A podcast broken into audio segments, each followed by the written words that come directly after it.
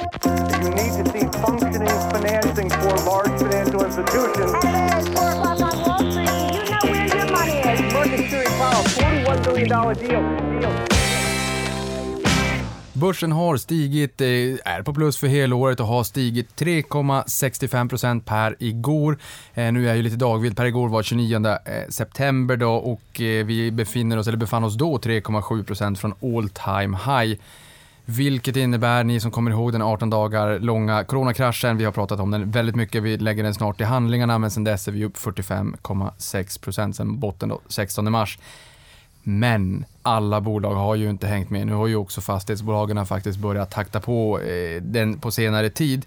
Eh, men, men eh, det kom ju egentligen, den återhämtningen kom mycket, mycket senare eh, och kanske lite grann också på grund av den oron vi såg på obligationsmarknaden här under våren. Men det finns ett gäng bolag som sagt som inte har hängt med den här uppgången och idag kommer vi att få lyssna till mina kollegor på Börsveckan som har med ett knippe misstrodda aktier som vi ska kika lite närmare på faktiskt 10 till antalet och dessutom ska vi också prata om lite tips och tricks inför IPOs och några toppicks på deras radar. Jag sprang på eh, Nasdaqs noteringschef Adam Kostial på mataffären och då hade man redan förstått medialt att det, det bubblar i noteringsledarna. Det ser vi i vår egen korplåda också.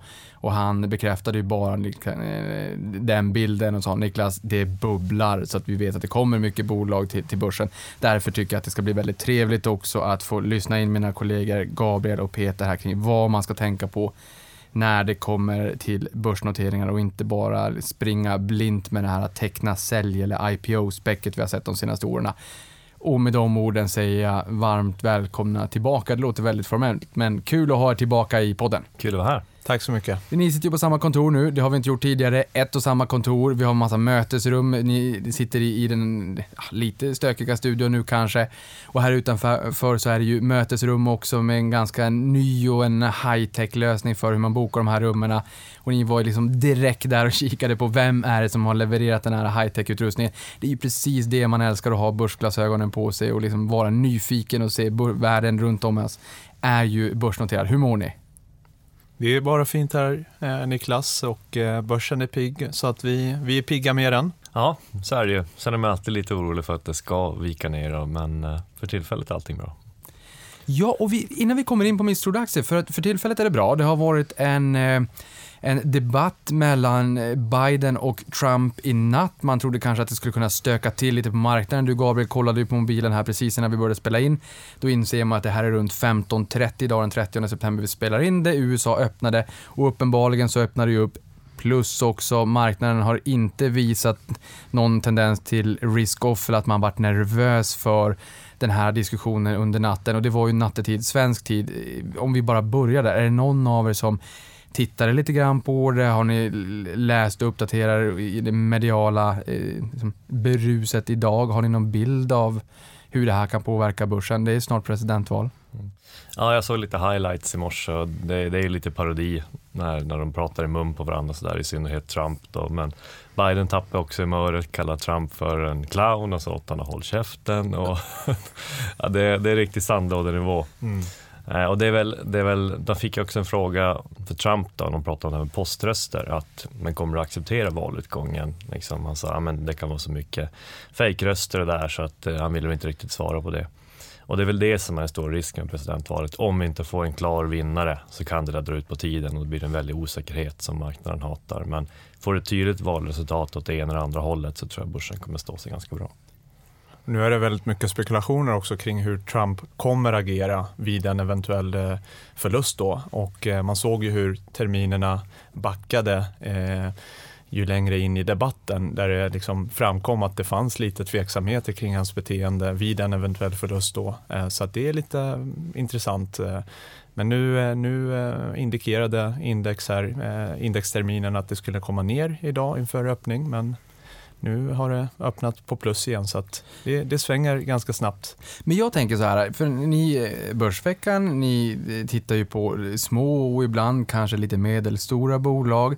Eh, jag tror att någon sån där definition är väl liksom att småbolag kan vara 1% av börsens totala market cap och ett nano kanske ligger på 0,1. Tar man 1% av Stockholmsbörsen så är det väl 80 miljarder eller något sånt där och det, är ju inte jättelitet. Men eh, Bara om vi blickar över pölen till USA så har ju stor del av uppgången varit de fem största namnen. I S&P 500 har det varit liksom S&P 5 eller FANG-bolagen i mångt och mycket. Men nu på senare tid så säger man ju ändå att återhämtningen har blivit lite bredare. Om vi backar tillbaka hem till Sverige vad är eran bild av de bolagen som ni bevakar? Har de hängt med upp från liksom OMXS30 1261 upp till nu en bit över 18 1835 igår, alltså 45 procent upp. Har vi sett samma rörelse bland de bolagen generellt som, som finns i ert univers? Vi tittar ju på alla typer av branscher och sådär så att vi har ju eh, kollat in eh, de här digitala vinnarna, eh, analyserat dem och har sett ganska bra förutsättningar för vissa av dem för, för vidare uppgång. Men sen har vi också tittat en del på traditionella branscher då som har varit väldigt missgynnade av den här pandemin då. Eh, och, eh, och där ser man att det har rört sig uppåt eh, sakteligen men, men det är fortsatt från ganska låga nivåer så att tittar man exempelvis på fastighetssektorn så ser man att det finns ett gäng bolag som fortfarande har 15-20% upp till, till toppen. Medan andra bolag i samma sektor då eh, faktiskt eh, står och nosar vid all time high, alltså redan in, alltså innan pandemin då så att säga. Så att det, det är ganska eh, spridda skurar även inom eh, branscher. Det är svårt att dra några generella eh, slutsatser tycker jag. Mm. Ja, och då håller vi på med stockpicking så det blir alltid intressant att se vilka har inte hängt med. Och Loomis var ju till exempel en sån här, kanske är fel att säga pärla om Loomis, men åtminstone en, en lysande sten. Eh, som kom ner till runt... Lysande sten. ner till eh, 200 kronor då. Men någonstans blir det ju alltid ett relativspel. När techbolagen rallar, det blir dyrare och dyrare, så hittar man de här bolagen som har haft det motigt. Ja, Loomis är ett av dem då, Scandic eller Pandox eller ja, Cloetta är ett bolag vi kommer att prata om senare till exempel.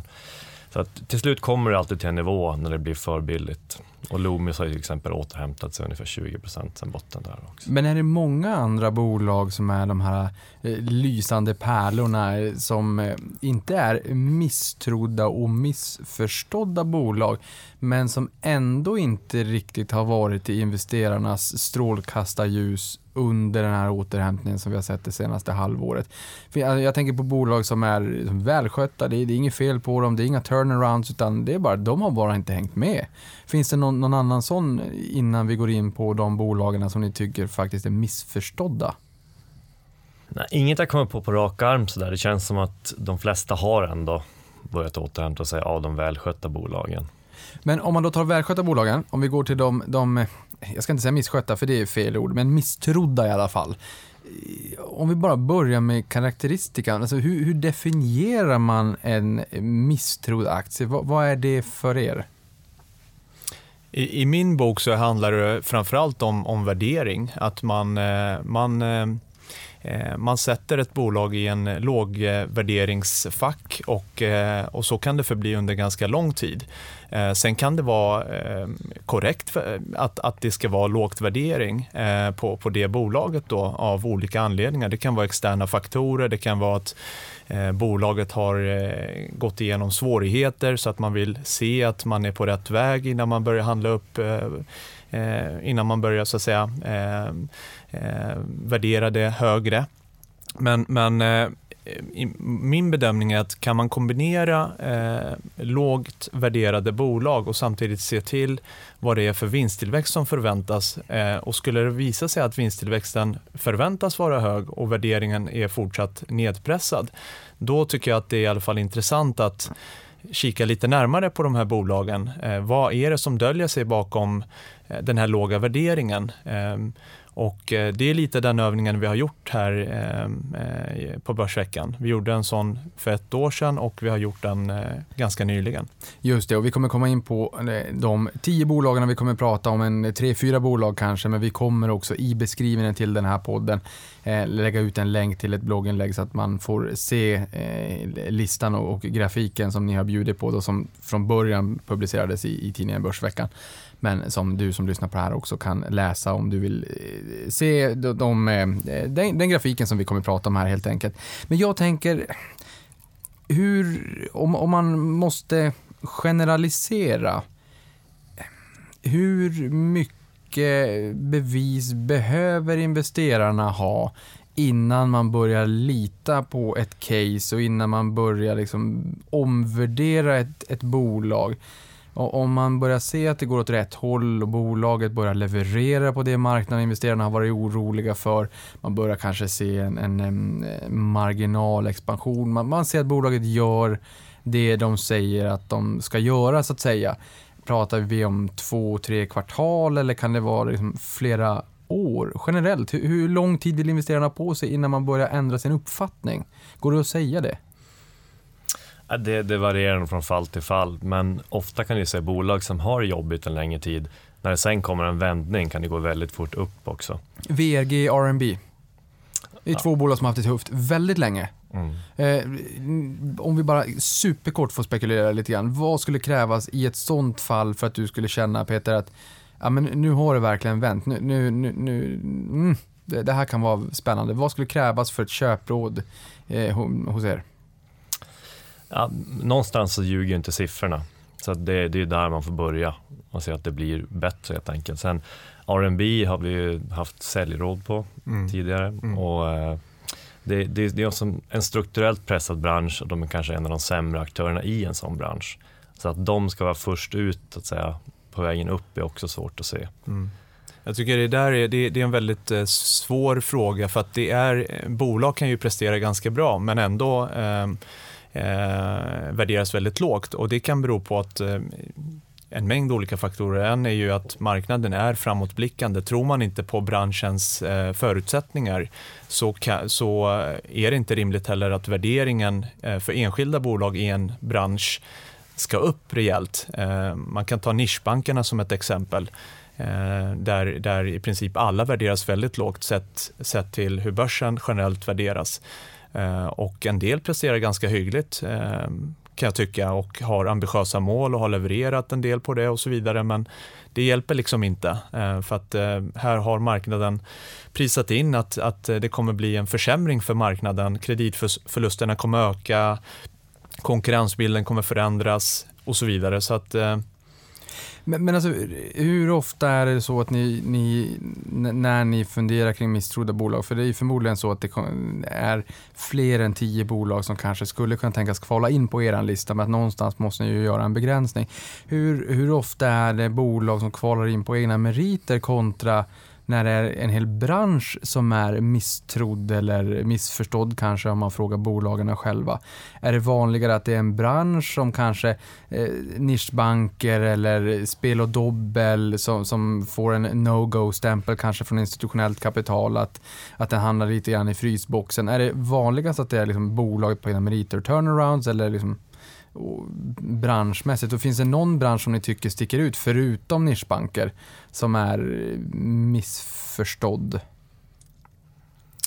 Ja, om vi börjar med just spelbranschen där då, som du sa, Jag flöden. förstod att du skulle hugga på den. Ja, det är lite grann din bransch. Precis, som, som bolag kan vara misstrodda, men som sagt, det kan vara branschen också. Eller rent utav att institutioner är tvingade att agera på ett visst sätt, som vi såg där i, i spelsektorn. Då. Eh, sen har man ju liksom politisk motvind från regleringar där, eh, så att värderingarna ska ju också pressas av den anledningen. Eh, sen var vi inne på bolag eller bransch. Om en bransch strukturellt är hatad så är det ofta det på goda eh, orsaker.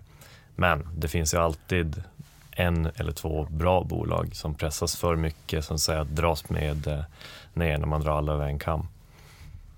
Sen tycker jag att man ska komma ihåg också att börsen eh, tenderar att överdriva väldigt mycket också eh, stundtals. Så tar man ett exempel återigen med fastighetssektorn där under pandemins början där i, eh, ja, under mars-april så, så såg man att eh, hela sektorn föll. Det är, man gör ingen särskiljning liksom, eh, bolag sinsemellan utan man drar hela sektorn över en, en och samma kam. Då, och, eh, det är det som är fascinerande med börsen, att det går faktiskt att hitta köpvärda bolag i alla branscher oavsett tidpunkt egentligen. För att eh, eh det är oftast eh, eh, den initiala chocken, när den lägger sig, det är då man kan försöka eh, lugna ner sig och titta, titta ordentligt på de här bolagen som, som alla har fallit, eh, då då, som, som i exempelvis eh, fastighetsbranschen. Sen kan det vara flödesstyrt också som i spelbranschen de senaste åren där institutioner är tvungna att sälja. Eh, och eh, det är också väldigt intressanta lägen att titta lite närmare på,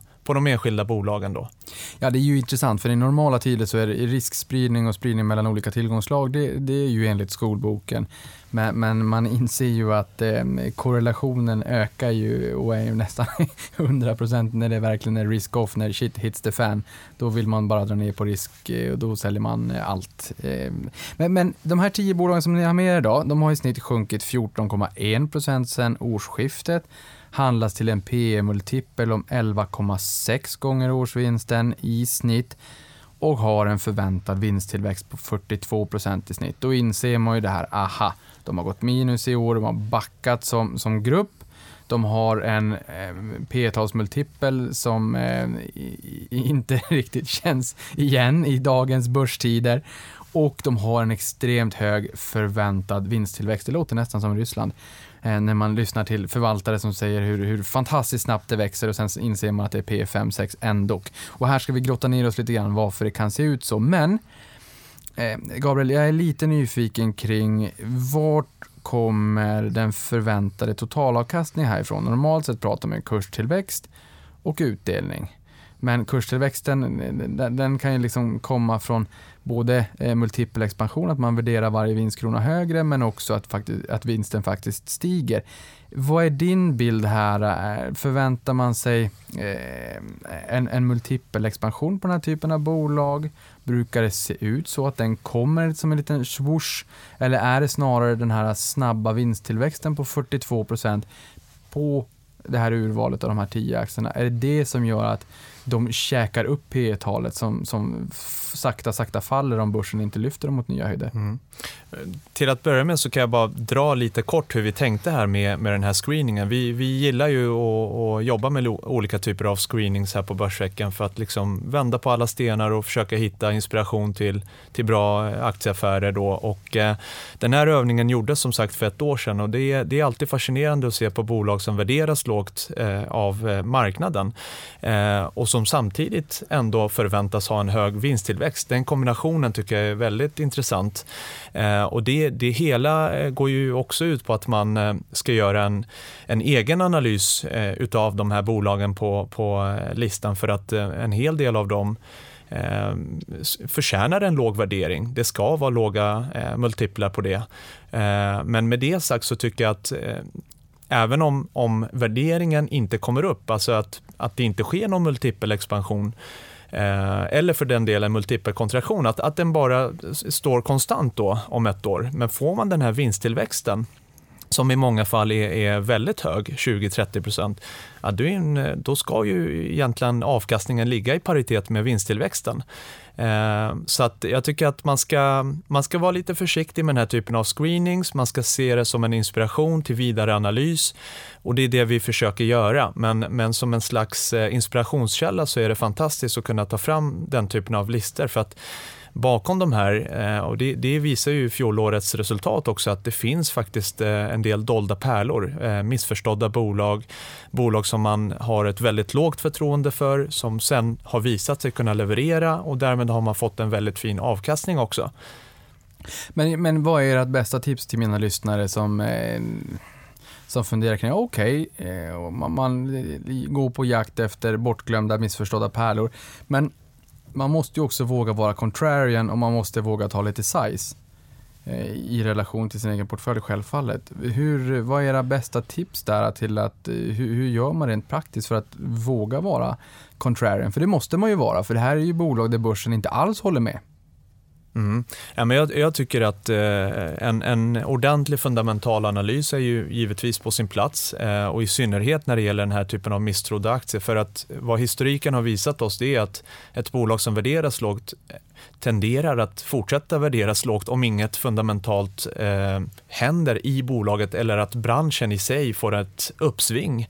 Eh, så, så därmed tycker jag att det är ännu viktigare att, att beakta liksom eventuella svagheter eh, i bolaget men även liksom branschmässigt.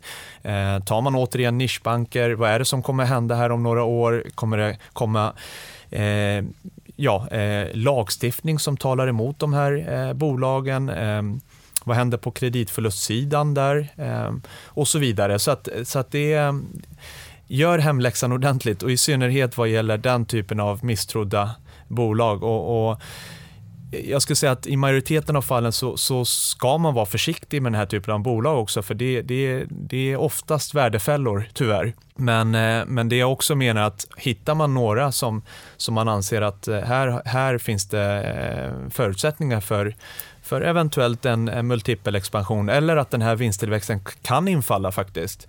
Eh, då finns det en enorm uppsida också och det är då man, man kan slå index. Man måste våga gå motvalls och, och köpa eh, det som inte är i ropet här och nu. Eh, jag säger inte att man ska lägga alla alla sina slantar på, på den typen av bolag men, men eh, definitivt eh, ha med eh, en del sådana aktier i en lite bredare portfölj. Det, det tror jag är eh, rätt eh, metod framåt eh, om man nu vill klå index eh, Eh, rejält då. Så inte, eh, man, man, behöver liksom inte tränga sig fram i publikhavet i en crowded trade utan man får hänga först på låset i, i en misstrodd och bortglömd pärla. Ni gjorde ju den här övningen förra året också, som du var in på. Hur ser facit ut för fjolårsurvalet av eh, bolag, 10 till antalet då också, eh, eh, räknar jag såklart kallt med. Hur, eh, hur gick det? För de bolag, eh, om man tittar på eh, tio topplistan då, så, så hade vi eh, vi hade sju, sju av de bolagen hade vi köpstämplat då och tre hade vi eh, avvaktat på. Eh, och eh, I de fall där, där vi haft köp så har de gått eh, 24% på ett år i snitt. Eh, och Det är klart bättre än index som gick eh, 15% under samma tidsperiod. Då. så att, sen är det rätt stora skillnader här i den gruppen. Då. Byggmax gav ju 60% till exempel. Eh, Academedia gav 55 eh, och sen har vi några som gav ungefär som index. Så det är lite blandat kompott, men på det stora hela så eh, har det visat sig att det var rätt att, vara lite subjektiv där och välja ut om man tycker det är intressanta och, och våga köpa dem. Och där kan vi väl också säga att här i slutet av podden när ni har mer tre stycken case som ni tycker är lite intressanta, eller ni sa två till tre och då säger vi att more is more så att då får det bli tre, eh, så är ju Byggmax ett av dem. Kan den här galna byggsommaren fortsätta är ju såklart frågan. Det blir intressant lite senare i podden. Men de bolagen det här året då som vi har på listan, eh, varav vi kommer prata om några av dem, är ju eh, Leo Vegas, TF Bank, Mekonomen, Ferronordic, Collector, Intrum, Distit, Humana, Elanders och Ambea. Och jag tänker mig, tittar man på den här också så ser man att Distit är ju det bolaget som förväntas ha högst vinsttillväxt på 85% Det är ju en rätt rejäl, då kanske man tänker sig att det är lite turnaround och så också. 85% är ju eh, en väldigt hög siffra. Elanders ligger på 74 och sen har vi ett gäng Intrum, Collector och Fair Nordic på på eh, ungefär mittemellan 40-45 procent någonstans. Men om vi börjar med Leo Vegas. Det här känns ju verkligen som, eh, som dig Peter, det är eh, en aktie, ett bolag som handlas på en rätt låg multipel, det är 8,9 gånger. Eh, det är en bransch som har en liten våtfilt också och institutionellt kapital kanske har lämnat. Eh, lite no-go-zone. Eh, aktien är upp 27,5% sedan årsskiftet. Eh, ni tycker att det här är en lågt värderad speloperatör med hygglig tillväxt på 17% förväntat. Då. Vad, eh, vad är eh, caset? Ja, men det är just det. Leo har ju haft problem regulatoriskt. Man eh, hade en enorm tillväxt, eh, framförallt i Sverige, breddade sig geografiskt, fortsatte växa bra, gjorde några förvärv i Storbritannien. Men kort därefter så, så tajtades eh, regleringen till ordentligt eh, på brittiska öarna och Leo tog då stor skada av det. Eh, det var till och med så illa så att eh, Royal Panda som man förvärvade, eh, det stängde man ner till slut. Eh, och sen då har man växt bra i Sverige och där har det också kommit som bekant en reglering som dessutom stramades åt även här då vid halvårsskiftet. Eh, och där såg man ju nu på senaste eller förra månadens skatteuppgifter att Leo faktiskt tappade drygt 20 procent. Och sen kom också Tyskland som var väntat att det skulle regleras men även där så presenteras en ganska så tuff reglering. Nu vet vi inte hur den blir i slut eh, eh, giltig version, men det kommer i alla fall ett förslag här nu som man ska ta vidare 15 oktober.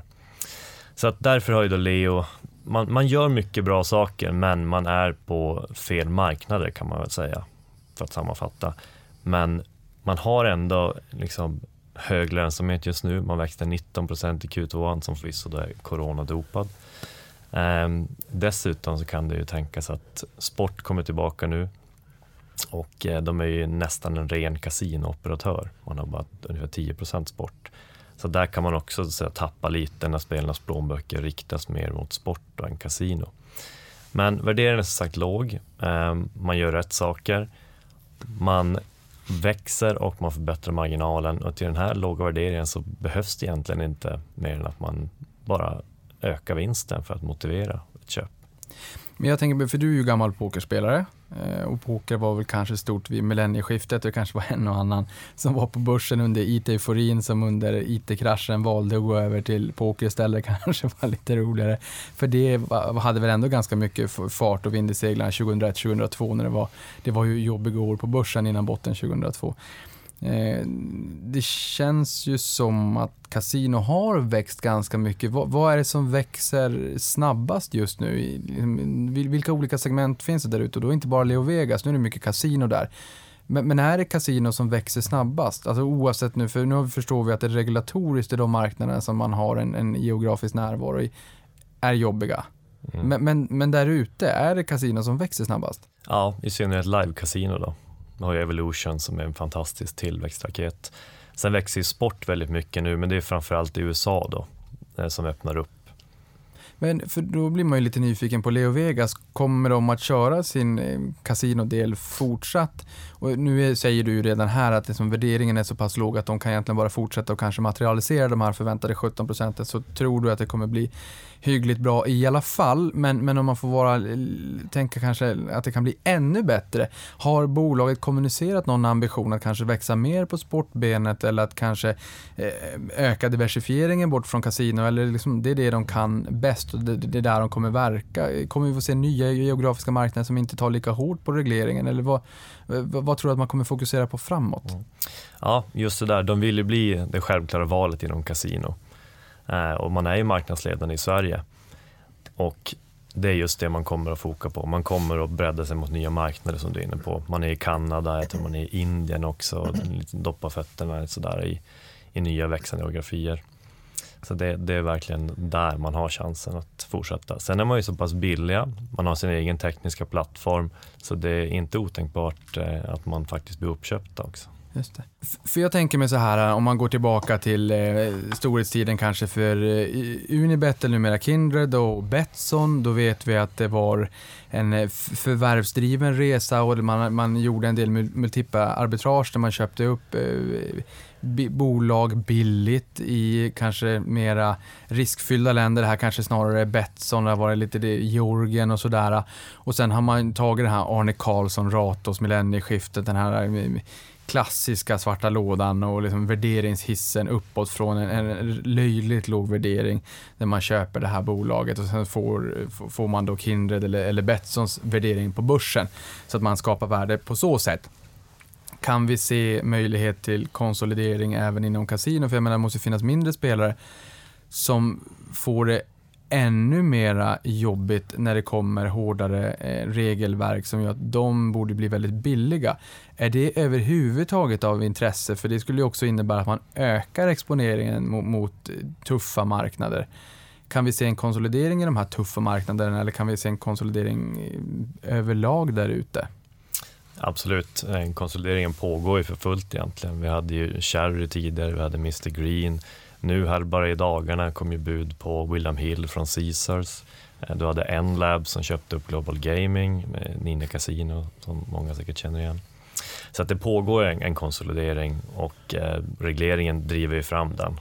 Så är det helt klart. Men jag tänker för det beskedet som kom på, på morgonen här med William Hill och Caesars, eldar det på riskaptiten i marknaden? För jag menar, nu pratar vi om den här våta filten, det är enkelt att ha lite home bias och man lyssnar till hur institutionerna i, i Sverige och hur de resonerar och vad de har för placeringsmandat. Och, eh, men det behöver ju inte vara verkligheten för hur det ser ut globalt där ute. Och det spelar ju ingen roll om affärerna görs i Sverige, eller i UK, eller i Danmark, eller i USA eller i Asien. Eh, för marknaden är ju på något sätt ändå global och det är ju stora spelare. Men Påverkar det morgonens affär? Påverkar det risksentimentet? Eller påverkar det liksom, eldar det på aptiten? Ser, du, så, ser man liksom en effekt av det att, det, att det blir ett ökat intresse där ute bland, bland den här typen av bolag? Ja, det såg man redan idag också. Jag såg Betsson var väl upp 4-5 procent. Det är lite intressant om man tänker vilka operatörer kan bli förvärvade. Som jag sa, Leo skulle kunna vara en. Um, Betsson skulle mycket väl också kunna vara en. De har ju faktiskt sin egen sportbok också. Och sportbok är ju hett, inte minst i USA. Så jag funderade lite tidigare på om Hard Rock skulle kunna vara liksom en tänkbar förvärvare av, av då Leo Vegas tänkte jag väl i första hand, men, men hade mycket väl kunnat vara Betsson också. De sa ju upp sitt avtal med GIG som driver deras sportbok för närvarande. Nu har de redan på plats ny leverantör där, jag vet inte vilken det är, men så det kanske inte är är något hett spår egentligen, för Hard Rock har ju liksom hotell och restauranger och kasinon världen över som har förmodligen tagit ett stort stryk under corona och kanske inte har den finansiella eh, stabiliteten för att göra ett stort förvärv nu heller. Men, men det, de är ändå tänkbara förvärv tycker jag.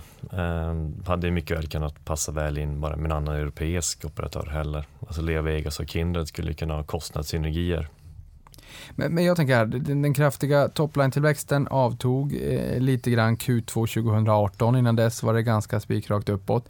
Eh, sen dess har det ändå utvecklats lite grann sidledes får man väl säga, förutom i Q2 där det återtog rejäl fart. Eh, beror det enkom, tror du, på corona och hur, eh, hur hållbar tror du att den här utvecklingen är? Alltså kan vi, kan vi extrapolera den trenden vi ser nu eller känns det som att det är en övergående trend som infinner sig precis på grund av just pandemin och att fler jobbar hemifrån och att fler är hemma. Mm. Kan vi extrapolera den här trenden, den här förnyade tillväxten som vi såg i senaste kvartalet? Nej, det tycker jag väl inte. Och just det här är ju knäckfrågan med de här billiga bolagen. Hur uthållig är vinsttillväxten? Om vi börjar med en billig prislapp, allt väl där. De eh, ökar vinsten mycket nu, som ofta är av tillfällig karaktär. För skulle de här ha en hög uthållig tillväxt, då kommer också multipelexpansionen och då blir det en fantastisk aktieaffär att köpa de här. Men uthålligt är inte corona, de är en tydlig coronavinnare. Eh, spel online, såväl om pengar som eh, datorspel och mobilspel. Så. Samtidigt som då den här tyska regleringen kommer den svenska börja bita. Så att man ska inte extrapolera, men som sagt, till den här låga prislappen räcker det om man bara kan fortsätta att visa positiv tillväxt och vässa marginalen successivt. Ja, men det är väl det jag tycker är lite intressant med de här bolagen och caserna som ni har med er också, att det behövs inte jättemycket för att det ändå ska bli en, en vettig affär som rimligtvis också kommer att kunna slå eh, börsen. Eh, sen om, om det är så att det materialiseras det vi pratar om här så kanske det blir som grädde på moset att det blir ännu bättre. Men, men det behövs inte jättemycket för att det ändå ska bli en hygglig affär om man vågar vara eh, contrarian då helt enkelt.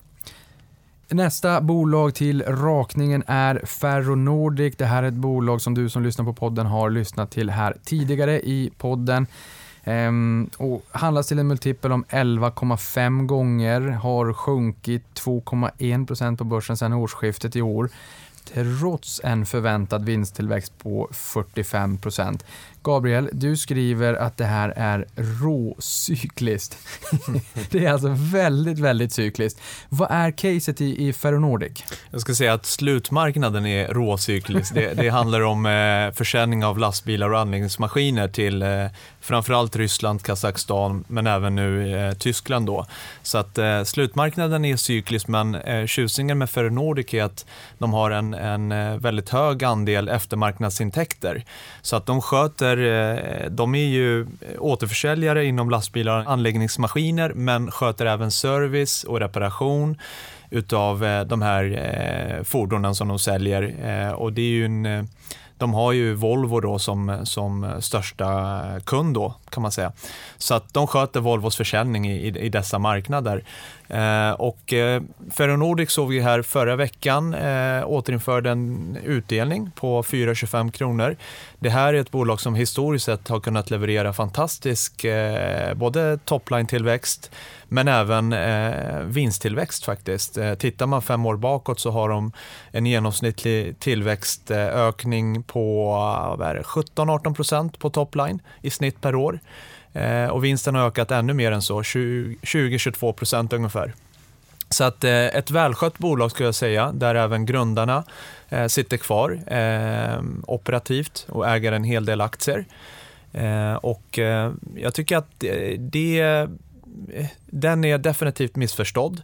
För att det är enkelt att klassa den som en väldigt råcyklisk aktie, som sagt. Och därmed så ska den inte ha jättehög värdering heller. Eh, och sen är det lite landsrisker där med Ryssland och politiska risker och så vidare. Men jag tycker att de har kunnat eh, hantera det där väldigt väl. De har varit på marknaden ganska länge så att de har en god lokalkännedom eh, och har kunnat operera ganska, ganska bra. Eh, som sagt, eh, starka siffror historiskt sett.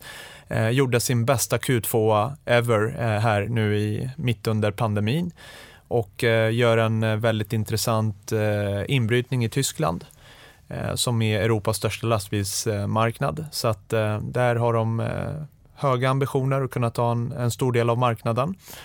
Jag tycker det är sammantaget en rätt intressant aktie som man får till en väldigt låg prislapp. Det är ungefär 7-8 gånger ebit på, på våra egna prognoser för 2021. och du får en väldigt fin vinsttillväxt. Då, så att, en god utdelning också.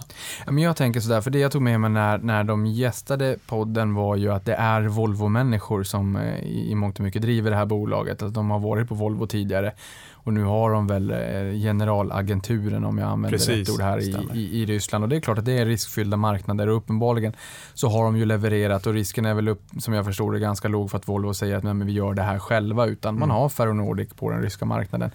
Men då är man ju, mm, mm, man, man, kanske tänker på Volvo VCE, alltså Volvo Construction Equipment, alla de här maskinerna man ser på byggarbetsplatser och sådär. Och de verkar ju lite grann i ett premiumsegment också på marknaden. Hur, eh, hur ser ni på den risken om det blir liksom sämre tider och att man kanske inte köper det absolut dyraste? Och hur Eh, hur mycket byggs det just nu? Man tänker, mm. När man pratar om kriser så brukar man ju säga att man kanske ser offentliga utgifter och att man bygger lite mer. Har ni någon känsla liksom för eh, något lackmustest? Eller så här, hur, hur är temperaturen i byggsektorn i Ryssland just nu? Mm. Nej, men det är precis som du säger, det är lite premie på det men, men samtidigt så är de väldigt duktiga på att erbjuda helhetslösningar för kunden och det, det väger upp en del. Eh, och tittar man bara på hur försäljningen har gått nu i Q2 i Ryssland så tar de enorma marknadsandelar. Eh, jag tror att marknaden i Ryssland är ner en sisådär 30-40% i Q2. Eh, men Ferronordics eh, försäljning hålls uppe ganska väl i Q2 och det visar ju på en rejäl styrka kan jag tycka. Så att man är duktiga på att paketera ihop olika lösningar för, för kunden och man har även börjat erbjuda tjänster som att man äger ju en del lastbilar själv eh, och, utför en del jobb också eh, för vissa stora infrastrukturarbeten och så. Så att eh, jag tycker att de visar prov på innovation och som sagt ligger väldigt nära kunderna lokalt och har väldigt goda relationer. Och det där ska man, det, det tycker jag är värt en hel del faktiskt. Ja, men det är intressant att se om vi kan få någon form av construction equipment as a service. Det, det, det, är ju ett buzzword i alla fall, just med telematik och att man ser när saker och ting börjar vara slitna och att man då får en liten signal om man är där och, och byter och kanske inte bara på sina egna pry, prylar man då leasar ut utan även för kunden så man får in abonnemangen så man får in lite repetitiva intäkter. Och det skriver du i caset också att vi kommer att, att komma in på det lite grann, men hur stor del av topline mm. som, som är eh, repetitiva intäkter, vilket är en, en icke försumbar del. Jag ska bara tillägga också att eh, infrastruktur, eh, alltså behovet av att rusta upp infrastrukturen i, i länder som Ryssland och Kazakstan, den är ju väldigt stor. Så att, eh, så att jag skulle säga att eh, visst, det är alltid risk att vara verksam i Ryssland, men eh, efterfrågan finns där och det är en strukturell efterfrågan. Det är, de ska ju upp till eh, västerländsk standard i, i väldigt många avseenden. Så att vägar, broar, eh, you name it. Eh, allt ska rustas upp och det, det finns ett stort behov av, av eh, operatörer som Ferronordic i, i, i landet. Ja, men det där tycker jag är intressant för just det här med att eh, våga lyfta blicken mot horisonten och se vad som växer, antingen strukturella trender eller faktiskt även de megatrender såklart. Men jag menar, det räcker ju att gå till andra sidan pölen, till USA, för att inse hur, hur, ne, hur slitet och nedgånget det landets infrastruktur är. Och det här var ju en stor snackis eh, i presidentvalet 2016 om stora satsningar på infrastruktur och skulle Trump bli vald president så, eh, så skulle det här vara bra för Skanska som hade 37 procent av topline mm. i USA. Då. Sen materialiseras det inte riktigt och det är mycket politiska låsningar. Eh, lång utsvävning, min poäng, eller egentligen min fråga här är kan, kan ni sätta fingret på det där lite grann? För jag tror att mina lyssnare tycker att det är intressant. Nu säger du här att det finns jättemycket att göra i Ryssland och det är mycket som ska byggas och det är mycket som ska restaureras. Ja, men går det att ge någon storhet på det? För, för jag tror att tittar man på USA och inser att bara där så är det så oerhört mycket som ska göras. Det är enorma tal. Det måste finnas ännu mer i Ryssland. Så det här måste ju kunna vara mm, affärer för, för många år och årtionden framöver. Så det, det, det, det, löper väl liksom ingen risk i att, att allting är färdigbyggt, att det inte finns en marknad för Ferronordic? Nej, det, det tror jag inte, utan det, de kommer att ha väldigt mycket att göra de, de närmsta åren i alla fall. Eh, och eh, sen ska man som sagt inte glömma bort serviceaffären som är lite av återkommande karaktär. Att man, man säljer lastbilen men den ska ju servas och repareras och, och allt vad det innebär och då, då, finns de där och, och det är en, eh, en stabilitet i affärsmodellen. Men eftermarknaden här, stabilitet i, i affärsmodellen. Det här, vi gillar bolag som har en stor eftermarknad. Vi gillade Atlas Copcos del i exempelvis Epiroc för att om, om det är så att man inte byter ut utrustningen tillräckligt snabbt och sliter man på det man redan har då behöver man den här liksom rakbladsmodellen. Man behöver mycket utbytesvaror eh, och, och då kan man hålla upp lönsamheten i sämre tider bara på det sättet. Hur stor del av eh, Ferronordics topline är den här eh, liksom, något, något så nära av den repetitiva eftermarknadsaffären för bolaget? Jag skulle nog gissa att den, det, det är ungefär 20-25 procent. Den här eftermarknadsandelen är ju kraftigt växande och eh, ser man till Q2-siffrorna så steg den med över 30 procent jämfört med nyförsäljningen som låg på ungefär 20 procent. Men det här tycker jag är intressant, för vi pratar ju lite grann om leasing. Hur stor del, eh, och jag behöver ingen exakt siffra så att säga, men hur stor del är, eh, är leasing kontra försäljning upfront där kunden tar hela investeringen direkt? Jag tror inte de går ut med den exakta siffran faktiskt, men det, det är en kombination av, av båda delarna. Men jag tänker, de är ju, jag har ju alltid haft eh, Ryssland och du sa även Kazakstan här då. Kan det vara det som är en del av skälet till att man har handlats till låg multipel? Att vi i Sverige i alla fall, så fort vi hör Ryssland så tänker vi risk och då tänker vi inte alls betala speciellt hög multipel. Även om den multipeln säkert är dubbelt så hög som, som ryska börsen. Men ändå att den får en liten liten Rysslandsrabatt. Är det, är det rättvist att säga så? Ja, men det tycker jag och det, det tycker jag också är befogat faktiskt för att det är, det är en eh, ganska hög eh, politisk risk och liksom de vinsterna som man gör idag, de kan ju försvinna om, om det vill sig riktigt illa. Eh, så att det har man ju sett historiskt också, men, men, eh, men jag tycker ändå någonstans att eh, allt har ju sitt pris och eh, kanske så värderas eh, Ferro alldeles för lågt just nu, givet det de ändå presterar. Och som sagt, jag tror inte ryssarna kommer komma in här och, och, eh, och stöka till det alldeles för mycket. För att det finns ett behov och eh, Ferronordic har ändå varit verksamma i landet ganska länge. Eh, så att de har ju en liten edge gentemot andra europeiska aktörer till exempel. Eh, och det är väldigt viktigt med, med, med lokal kännedom, med nätverk och, och så vidare. Och det, de har byggt upp eh, något väldigt fint där tycker jag. Så en liten vallgrav för att eh, ta sig in på den marknaden då med tanke på att de har en lokala kännedom. Men jag tänker eh, också kring eh, den här risken. Har eller risken och perceptionen på risk, har den materialiserat sig historiskt i Ferronordic? Att man har fått som ett brev på posten att eh, det har kommit tråkiga besked eller så, saker som har legat Ferronordic i fatet. Eller är det liksom mer av den generella bilden att Ryssland innebär rabatt? Har, har liksom de, de, den skepsisen, har den eh, någon gång i närtid materialiserat sig i Ferronordic eller är de duktiga på, duktiga på att navigera den ryska marknaden? Jag har inte kunnat se det i min eh, research av bolaget att, eh, att det har hänt något väsentligt som, som gör att den bilden förstärks utan eh, tvärtom så tittar man rent operativt så har de verkligen presterat de senaste fem åren. Eh, och, eh, så att eh, det, det verkar gå bra för dem och sådär. Så att, men sen så kommer det alltid finnas en Ryssland-rabatt. Men jag tycker det är väldigt positivt också att de går in i Tyskland nu för att det, det är dels diversifiering men även för att det är en väldigt intressant marknad.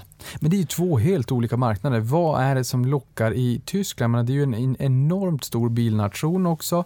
Eh, det, det, är inte tufft som, som, eh, eh, det är fel kanske av mig att säga liten spelare, men alltså som ny spelare erövra den tyska marknaden. Det låter dyrt. Det låter som att det kan ta ett tag. Ja, det kommer kosta en del i början eh, och nu gör de inga vinster där, men förhoppningen är att eh, redan nästa år så ska det generera lönsamhet och eh, sen har de Volvo med sig med ett starkt varumärke. Visst, det finns ju andra större aktörer i Tyskland som Scania, MAN, Daimler och så vidare, men, men även Volvo är ju en aktör som, som är på offensiven med en intressant eh, Eh, satsning mot, mot elfordon och så vidare. Så att, eh, jag, jag, tycker att det, det är en intressant eh, satsning de gör och de verkar tro på det. Så att eh, insiders har inte eh, sålt några eh, större poster utan de är som sagt kvar och rattar det där föredömligt.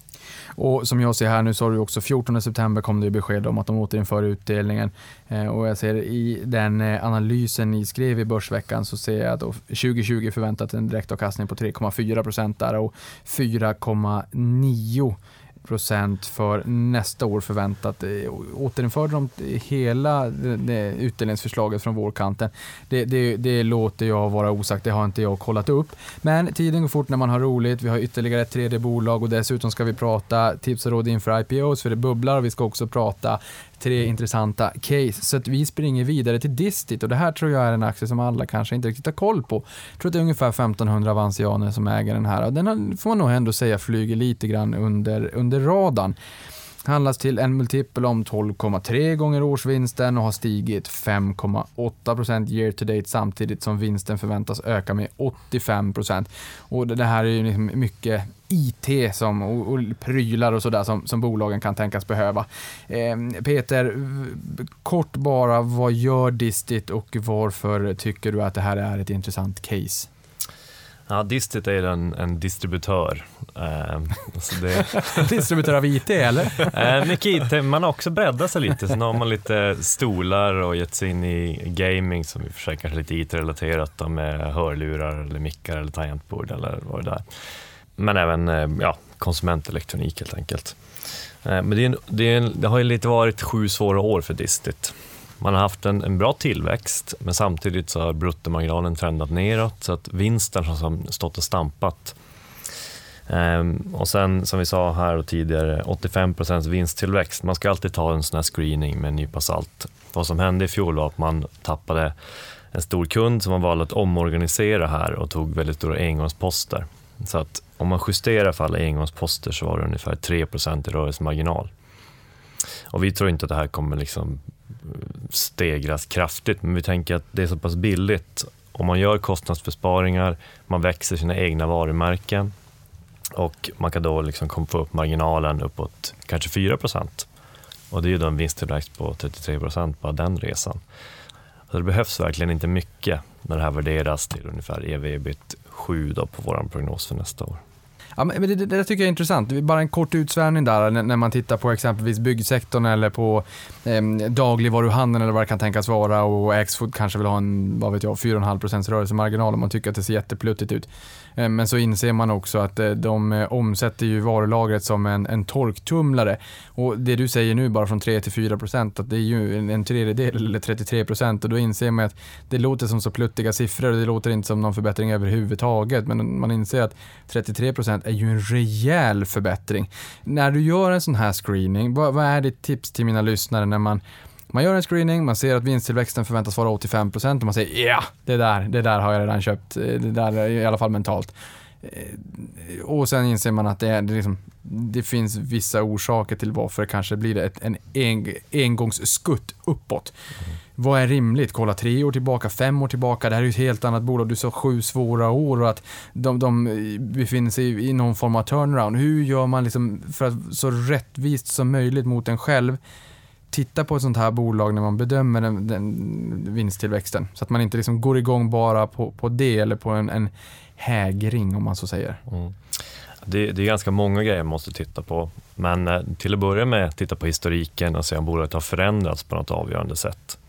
Um, nu delade man ut ett bolag som heter Alcadon till exempel. När det var, 2016 kanske.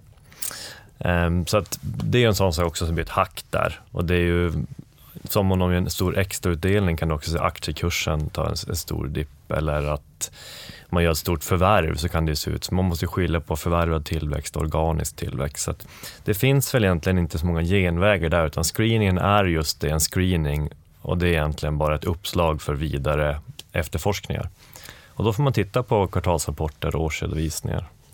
Men, men här eh, så skriver du om att det är en omstrukturering. Det sju, har varit sju svåra år. Är det färdigstädat? Ja, men jag tror ändå det. Eh, De bytte VD, Robert Rosenschweig kom in och eh, han tycker jag verkar duktig. Ehm, Han var på Note tidigare, eh, kontraktstillverkning, så han vet ju liksom hur, hur man ska göra någonting med pressade marginaler. Nota har väl bruttomarginaler runt 13-14 procent eller någonting och lyckas ändå göra en rörelsemarginal runt 7-8. Ehm, så att det, är nog bra att få in det tänket och verkligen effektivisera och man slår ihop då dotterbolagen Aurora och Deltaco. Så att, eh, nej, jag tror att eh, det kan nog mycket väl gå vägen. Du skriver ju att bolaget fokuserar mera på EMV och EMV är väl en term vi kanske känner igen från, från dagligvaruhandeln eller egna märkesvaror då. Mycket när det är liksom Änglamark och det är eh, ICA och ICA Basic och det var Euroshopper förut och det är allt möjligt, Garant och sådär. Men eh, EMV gäller ju inte bara dagligvarubranschen, det gäller ju alla branscher och Distit fokuserar ju mer på EMV. Ehm, hur hög är den andelen av intäkterna idag och, och hur hög tror du att den kan bli? Ja, det finns ju alltid en gräns. För där. Just som distributör så är man ju pressad och man har kanske, som de pratar om, A-brands då. Att du kanske har Philips eller Brown som du säljer vidare till ganska pressade marginaler. För du kan ju inte ta för mycket som en mellanhand för då, vad som händer då är att då går just kunden istället på tillverkaren till slut. Så att någonstans har man en otacksam roll och sitter liksom inboxad där med hur hög lönsamheten kan bli. Med egna märkesvaror är det en annan roll. Där kan du ju få en hög marginal, men samtidigt måste ditt sortiment vara relevant för slutkunden. Så därför kan du inte ha för mycket egna, du måste ändå ha de här, ja, lockvaror är väl fel ord, men de populära stora varumärken där också. Och sen kanske krydda lite med egna märkesvaror. Så säg att du vill kanske inte ha mer än 30-40 procent i alla fall. Nej, för det här blir jag lite nyfiken på, för det är klart att du vill ju ha köttfärs 59,90 för att locka in kunderna i butiken. Men, men du vill ju inte tappa de här A-brands heller som gör att du aldrig får chansen att få in kunderna i butiken och sälja med en, en två eller tre extra produkter av ditt eget varumärke som har mycket högre marginaler. För tappar du dragplåstren så blir det ju ganska jobbigt och det här har vi ju sett den här trenden bland många bolag i andra branscher. Nike var ju senast ut här för några veckor sedan och sa att man, man tar bort mycket av, av sin försäljning från wholesale, eh, retail-ledet och sen så kör man det i egna kanaler och, och, och också via nätet. Tesla är ett exempel på bilar som är mera DTC, alltså direct to consumer. Ehm, finns det en stor risk i Distit att, att man kanske blir squeezad och att eh, de här stora varumärkena säljer via egna kanaler istället och skippar mellan, mellanledet här och att Distit skulle tappa dragplåster som gör att, att eh, kunderna kommer in från första början och därmed också tappar försäljning av EMV för att de aldrig får chansen att sälja EMV. Alltså hur ser den balansen ut? Ja, det är en högst reell risk och det har ju hänt att man har tappat, som de kallar då A-brands. Och det är ju inom dotterbolaget Aurora, eh, medan Deltaca och egna varor i synnerhet. Eh, sen har man även två andra mindre bolag där du har eh, Septon som säljer egentligen ljudprodukter. Och de, de har ganska bra bruttomarginaler faktiskt i, i relation till övriga gruppen. Men där tog man storstryk för man säljer mycket till events och den typen av, av saker. Så, här, så det har varit en corona en coronasmäll där. Men som sagt, det, det, är inte riskfritt absolut, för det är som du säger, man kan inte ha eh, för mycket EMVs och man kan bli så pass pressad i distributörsledet. Men man kompenserar ju samtidigt då med de egna varumärkena. Man går ut i nya kanaler också till nya e-handlare. Vi har ju Amazon till exempel som kommer in i Sverige. Man är på tyska Amazon idag. Eh, så att eh, så länge man har relevanta egna varumärken så bör det ändå kunna gå vägen. Ja, vi får väl se med Amazon också. Där vet vi att de har sitt Prime Day. De sålde väl för en, nästan 70 miljarder på två dagar i fjol. Nu om två veckor så är det Prime Day igen om de lanserar ytterligare någonting för den svenska marknaden och en svensk sajt och sådär så att de verkligen tar steget in. Det kanske vi får se om, om bara några veckor. Men jag tänker Distit känner jag ju inte igen som ett konsumentvarumärke. Jag utgår då från att det är business to business.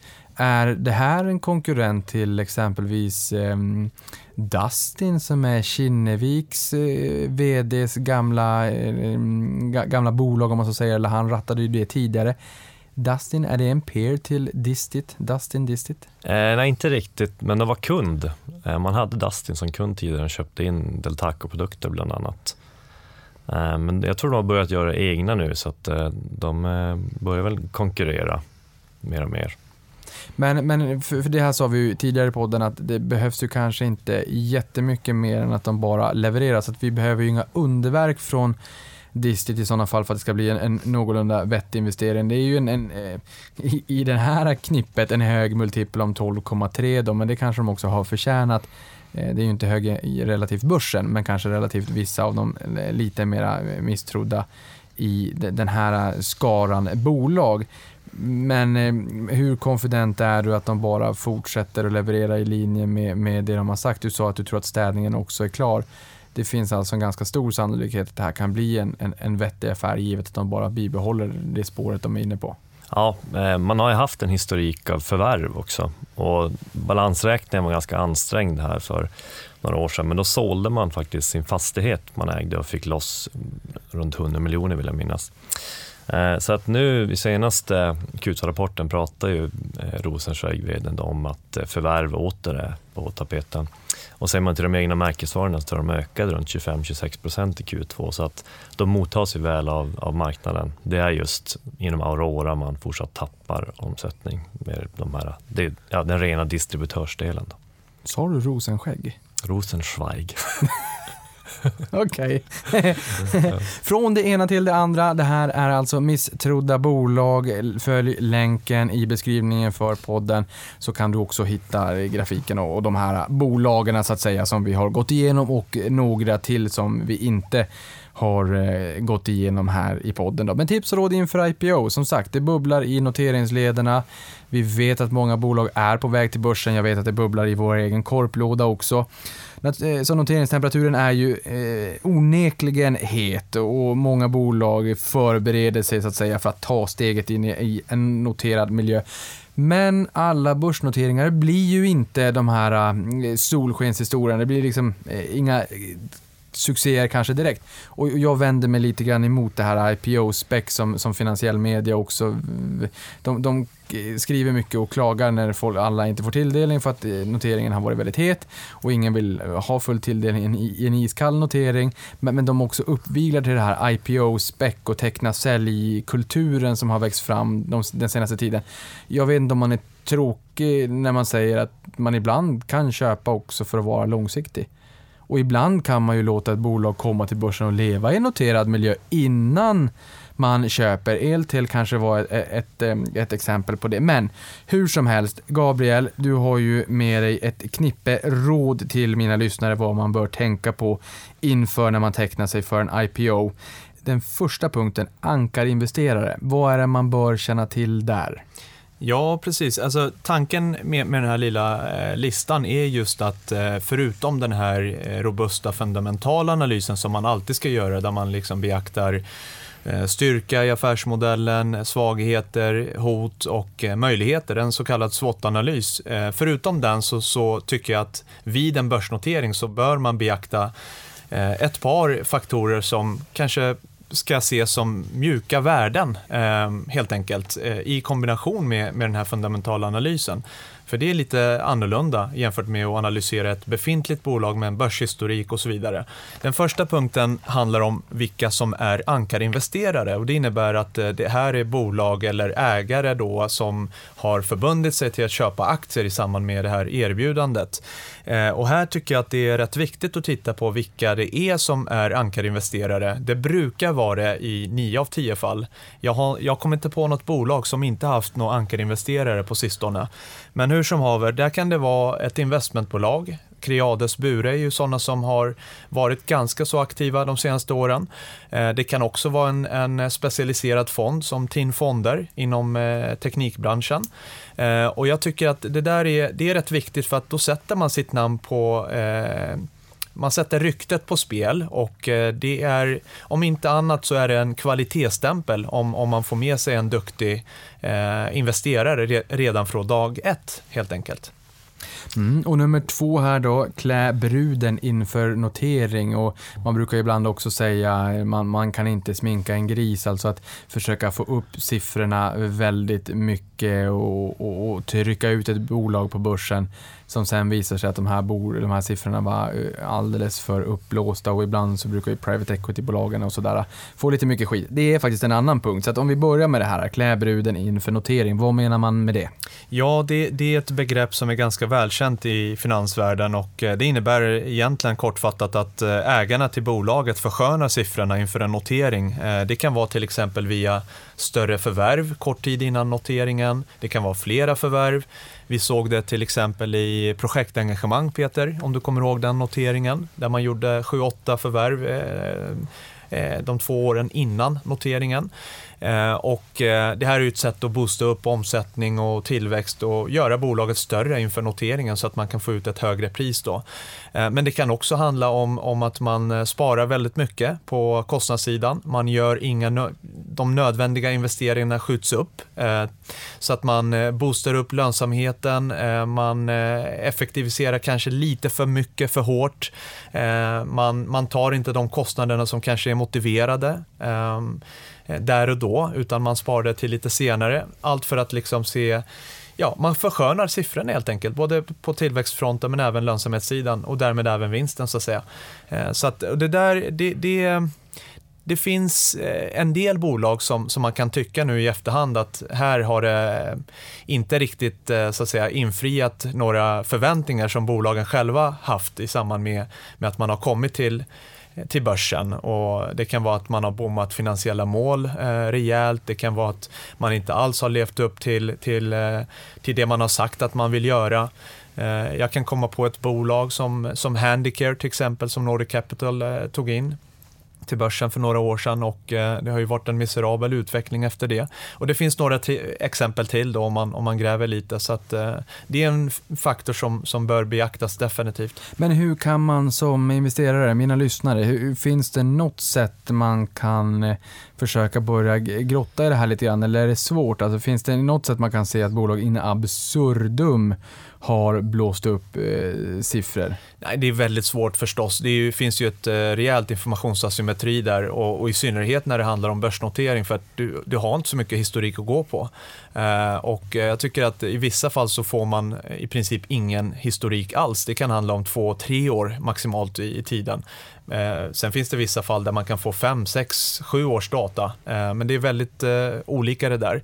Så att man, har, man är i ett underläge och det är därför man ska vara försiktig med att extrapolera och köpa allt det ledningen säger i samband med noteringen, utan Eh, när man sitter och kalkylerar och räknar på, på det här caset så ska man eh, vara extra försiktig skulle jag säga och, och, kanske inte tro att det här kommer bli eh, ja, precis som ledningen har, har sagt att det ska vara, utan ha en liten säkerhetsmarginal. Eh, ta inte i lika mycket som ledningen gör, för de, är ju, de vill ju få ut ett högt pris och, så att det blir en bra notering också. Ja, och ibland får man ändå chansen om man ser justerade siffror, för det är väldigt vanligt, mm. och i synnerhet i förvärvande bolag. Eh, och ibland är det motiverat, ibland är det inte motiverat med de här justeringarna. Och något som är vanligt det är ju i ett förvärvande bolag att man helt plötsligt gör ett dåligt förvärv och så tar man en nedskrivning, en engångsnedskrivning så att säga. Men om det är ett bolag som är väldigt intensivt och förvärvar, så att de förvärvar tio bolag, då kanske det också är rimligt att ett blir dåligt. Så att den här engångsposten är kanske egentligen ingen engångspost, utan man får räkna med att liksom det blir också nedskrivna dåliga förvärv i ett sånt här bolag. Så en engångspost blir en flergångspost. Ja. Det är lite Göteborgshumor. Eh, Gabriels handfasta tips nummer tre är hur agerar insiders? De som har bäst insyn i bolaget.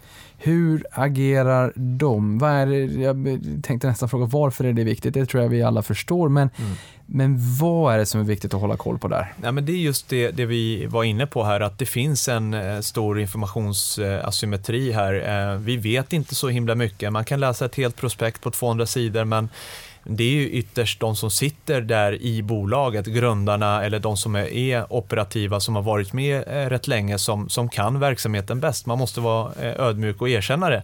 Och eh, därmed tycker jag att det är väldigt, väldigt viktigt att eh, beakta hur de agerar inför en, en notering. Eh, säljer man av merparten av innehavet eller vill man vara kvar? För att ofta så säljer man det här ehm, caset som en succéhistoria. Det, det, det är ganska eh, vanligt att, att man eh, anser att eh, bolaget är moget för nästa steg och så vidare.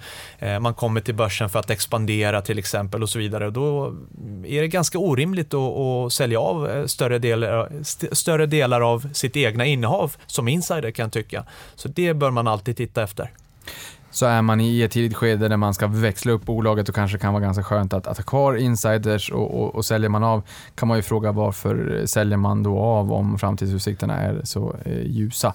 Sen är det väl i och för sig så också om man noterar ett bolag och det kanske är ett livsverk att man kan ta hem en liten del och att man, man ändå har kvar mycket i kronor och ören, att man har en high conviction att man kommer vara kvar kanske for life men, men att ja, ja, det, ja, det finns väl Absolut. inget, inget helt facit men en bedömningsfråga i alla fall. Jag tycker man ska kunna sälja, givetvis, men är det en synkroniserad försäljning där det är flera i ledningsgruppen eller eh, i princip alla som har varit med som vill sälja, eh, så tycker jag att det, det är i alla fall någonting man bör beakta och, och för mig är det någonstans eh, en varningsflagg också.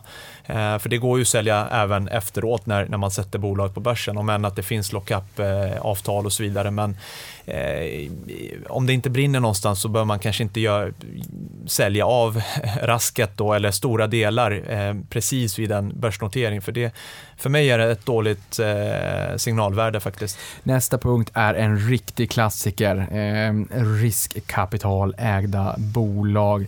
Dessa eh, private equity-bolag som, eh, som sätter bolag på börsen. Man brukar prata om hungriga vargar och att de knappt lämnar kvar brödsmulor. Eh, är det en bild som överensstämmer med er verklighetsuppfattning eller är det dramaturgisk sötma i medias rubriksättning? Vad säger ni där? Ja, men jag tycker att när det är riskkapitalister som eh, kommer eh, och sätter bolag till börsen så, så ska man vara extra försiktig för det här är slipade affärsmänniskor. Eh, de sitter och, och räknar på varenda siffra och eh, har förmodligen gjort det man har kunnat göra på kort sikt. Eh, optimerat kostnadsstrukturen, gjort en del förvärv. Så att eh, återigen, just för att få det högsta värdet, eh, de högsta multiplarna. Eh, man målar upp en, en god bild av framtiden och så vidare. Men faktum är, tittar man lite bakåt i tiden så är det faktiskt en hel del eh, floppar de har eh, erbjudit marknaden också med facit i hand. Och, eh, det där är ju så, såklart väldigt svårt att, att, att förutspå, men, men jag tycker att eh, det, det är det en, en, en riskkapitalfirma så ska man vara extra försiktig. Det är det jag försöker säga.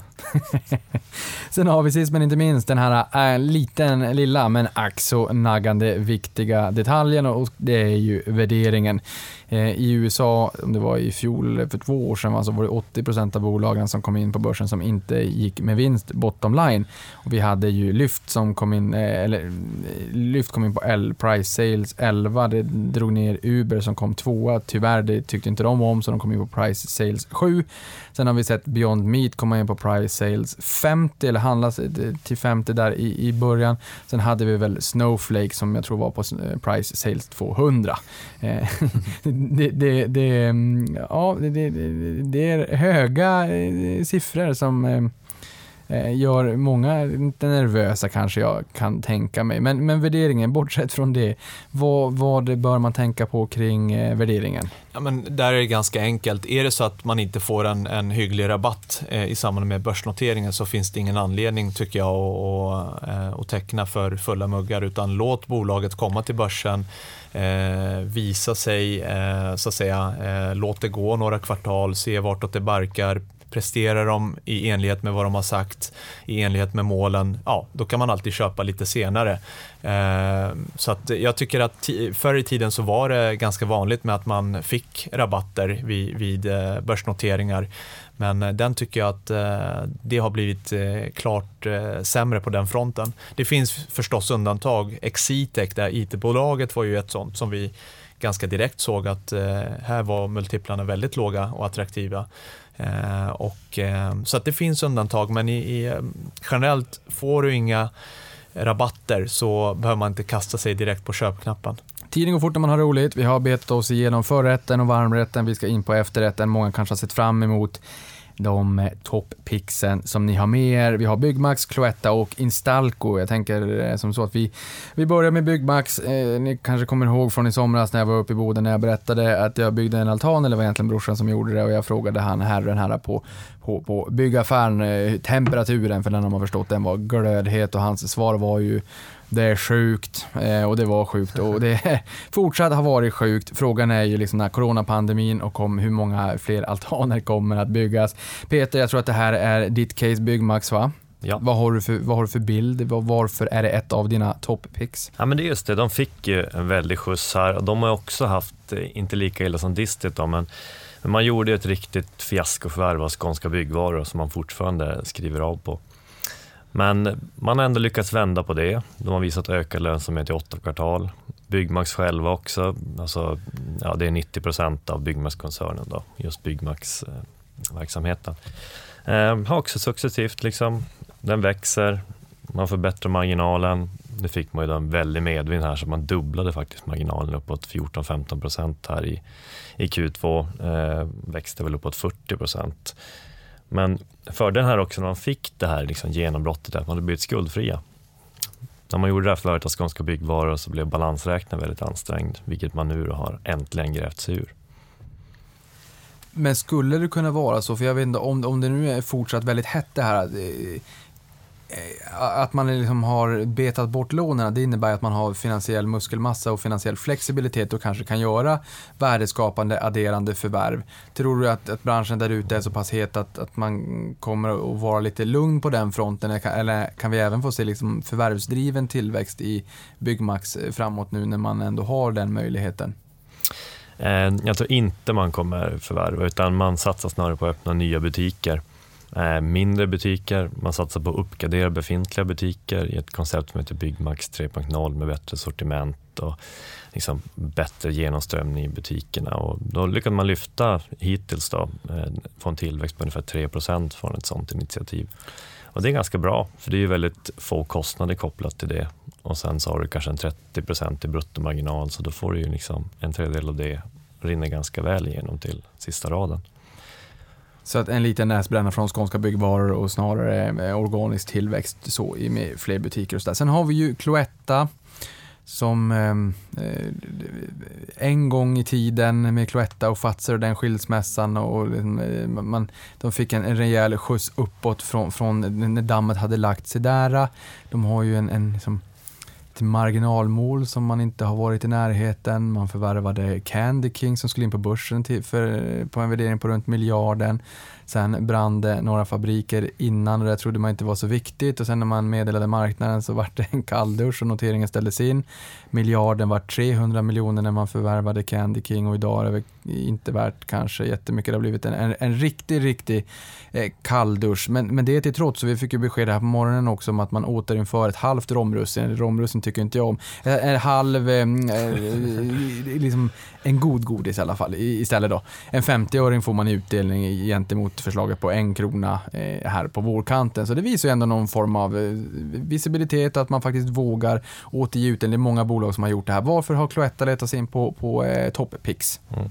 Eh, innan vi går in i godispåsen kan jag bara nämna också Byggmax. Eh, de kommer kanske värderas runt 5-6 gånger årsvinsten i år och den kommer ju inte vara lika bra nästa år får man ju tro, även om många som byggde altan kanske inte hann färdigt i år. Så en viss eh, effekt finns det nog kvar nästa år också. Men även om den då liksom faller ner så är det inte dyrare än kanske 9-10 gånger rörelseresultatet på en då till stigande vinst till efterföljande år känner mig lite träffad där. Och det är också så att Byggmax säljer Cloettas produkter i butiken. De har en liten, liten, liten del med lite godis eh, bredvid kassan i alla fall. Det är Byggmax jag var in på. Och där är det fina marginaler. Ja, nej men Cloetta, det är som du säger, det har ju varit en del problem. Eh, det var någon insynsskandal, det var brand i fabriker, Candy King, total flopp. Eh, de var ju på väg till börsen faktiskt, apropå klädbruden. Mm, precis, ett tydligt exempel på det. Ja, och det var väl, vilka var det som ägde det? Det kommer. Det kommer. Jag letar upp det medan vi får fortsätta lyssna till din ljuva stämma. Ja. Ja, men Cloetta då, det blev en eh, coronaförlorare. Eh, ingen ville köpa lösvikt här under, under pandemin. Och dessutom så var det ju lockdown i Europa så att många länder kunde inte ens gå ut och det är svårt att köpa godis då. Eh, och men att e-handeln har ju växt väldigt starkt. Men nu har det börjat komma tillbaka, man såg successivt eh, att det här lösvikten kommer tillbaka, men framför allt att den större delen av verksamheten, förpackade godisar, växer faktiskt. Och Cloetta ska ju vara så defensivt det bara blir egentligen, för vi kommer att äta godis även framöver. Så att eh, en, en ganska låg värdering, eh, runt 13 gånger vinsten. Och tittar man på hur kreditmarknaden värderar risken i det här bolaget så lånar Cloetta pengar runt 1 så det är låg risk. Så det är mer av en obligationsliknande aktie kan man säga. Men, men kan vi ha någon förhoppning om en skjuts i, i lösviktssortimentet? För nu tänkte man ju under coronapandemin, ja men det är jättebra, det är många som kommer att handla färdigförpackat godis och där är det mycket bättre lönsamhet. Men, men det kanske uteblev lite grann. Eh, I din bok, skriver du av hela lösviktsrörelsen eller känns det som att det finns en potential för en liten skjuts? Men matbutiken i alla fall, kanske de som har absorberat den, den eh, eh, multipel eh, expansionen i pris. För nu är det många som säljer för 8,90. Mm. Eh, förut kunde man ju få se 6,90 och 6,90, 7,90 och så mycket, mycket billigare såklart när det är påsk och jul och sådär. Men lösviktsgodiset över brädet har ju blivit dyrare i matbutiken. Ja, men lösviktsgodis kan man inte se som någon kassako, utan den är mer där för att täcka upp kapacitet så att du kan få ner så att säga, produktionskostnaden för allt godis. För det är en volymaffär. Just det. Vi kan väl säga där också att, eh, eh, för, för, det är ju också lite intressant, för det, de har ju tidigare i alla fall förvärvat lite bolag och så flyttar man hem produktionen för att man har, man har inte liksom haft fullt kapacitetsutnyttjande. Ja. Jättebra poäng det du säger där med att lösviktsgodiset snarare för att fylla upp och sänka enhetskostnaden i produktionen, att det fyller ut så att säga, eh, men inte är kanske ett kassakon framåt. Men det var Accent Equity och det visste jag faktiskt inte, men EQT hade en stek på 16% där i också. Mm -hmm. Men i alla fall, den floppade. Sista bolaget eh, är Instalco. Vad är det vi ser för någonting där? Mm. Instalco är ett riktigt favoritbolag för oss faktiskt och eh, de har ju presterat eh, otroligt starka siffror här under hela 2020 och egentligen de senaste åren. Det är ju en förvärvsmaskin, det är ett installationsbolag, de är verksamma inom VS, VVS, ventilation och så vidare. Eh, och eh, affärsmodellen går ut på att eh, förvärva mindre bolag utanför börsen till ungefär 3-5 gånger ebit. Man värderas själva till ungefär 14-15 gånger, så där har du det här multipelarbitrage spelet då. och det som särskiljer Instalco från, från exempelvis Bravida, som också har en förvärvsstrategi, det är just att de låter de här bolagen vara verksamma precis som de har varit tidigare. Det är en decentraliserad affärsmodell alltså.